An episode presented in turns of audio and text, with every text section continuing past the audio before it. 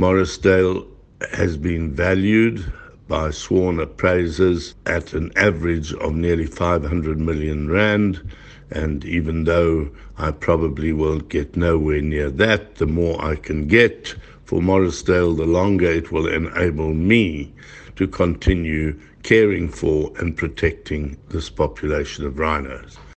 Hy deel nou reeds 20 jaar lank met die diere en het sowat 2 jaar terug die laaste keer renosters aan stroopers verloor. Nie almal deel egter in sy passie nie.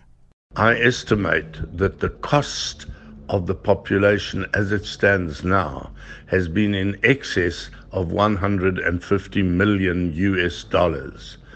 That has proved to be just too much for me to bear. And unfortunately, my looking for a partner has so far not yielded anything. Is dit die eerste keer dat hy van persoonlike bates ontslaa raak nie? I have over the years sold all of my holiday resorts in South Africa. Those funds have now dried up and I have spent my entire life savings on caring for and protecting this population of rhinos.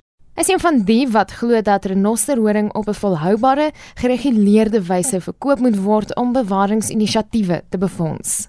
I very much support sustainable utilization in our wildlife industry and especially with our rhinos.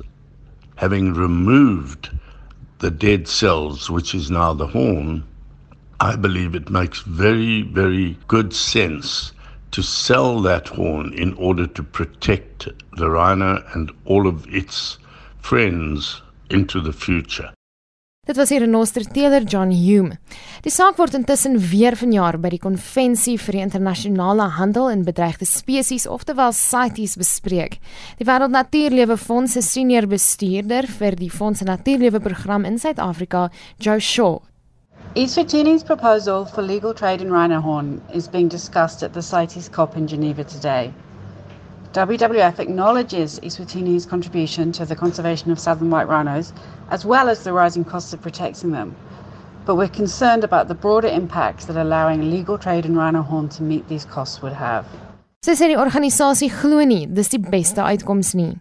We do not feel it likely that any consumer countries can effectively manage a regulated horn trade, and so on balance, we don't believe that the potential benefits for East Eswatini would outweigh the broader threats to global rhino populations. Regardless, we do very much recognise the need for ongoing support for rhino conservation on both state and private land and to address the illegal trafficking of horn. And we continue to strive to find sustainable and innovative solutions for this. Dit was die Wêreld Natuurlewe Fonds se senior bestuurder vir die Fonds se Natuurlewe program, Joe Shaw. Ek's Marlene Verschiefer, SAK nuus.